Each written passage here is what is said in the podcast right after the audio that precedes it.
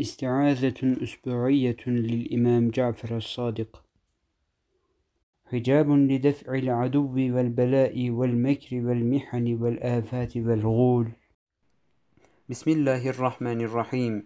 أعيذ نفسي وحامل هذا الكتاب بالله الذي لا إله إلا هو عالم الغيب والشهادة هو الرحمن الرحيم.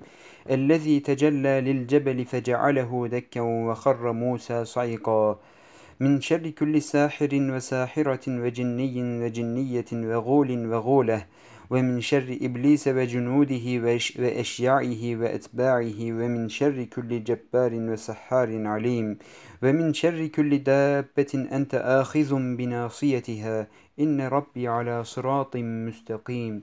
وأعيذ نفسي وحامل هذا الكتاب بالله الكبير المتعال.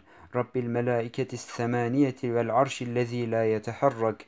والكرسي الذي لا يزول وبالاسم الذي هو مكتوب على سرادقات العرش والبهاء والعظمة وبالاسم الذي يحيي به الموتى ويميت به الأحياء وبالاسم الأعظم الأعلى وبأسمائك الحسنى وبما أنعم الله على الأنبياء وبما أنزل الله على النبي محمد صلى الله عليه وسلم من شر الشياطين وأوليائهم وهمازاتهم واستفزازاتهم وغرورهم وريحهم ورجلهم وخيلهم وجمعهم وفردهم ومن شر سكان الهواء والسهل والجبل ومن هو في ظلمات البر والبحر ومن شر عبدة النيران والعيون والمياه ومن يمشي في الأسواق ويكون مع الوحوش والدواب والسباع ومن شر ساكن الآكام والآجام والخراب والعمران ومن يوسوس في صدور الناس ويعمل الخطأ بسم الله الكبير الكريم الأعظم الذي هو مكتوب على سرادق العرش الرفيع القائم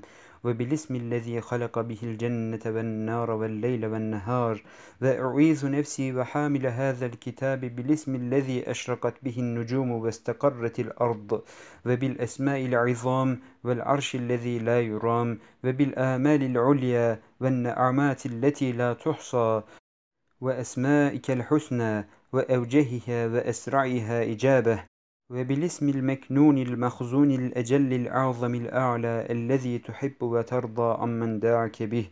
وبكل اسم في التوراة والإنجيل والزبور والفرقان العظيم.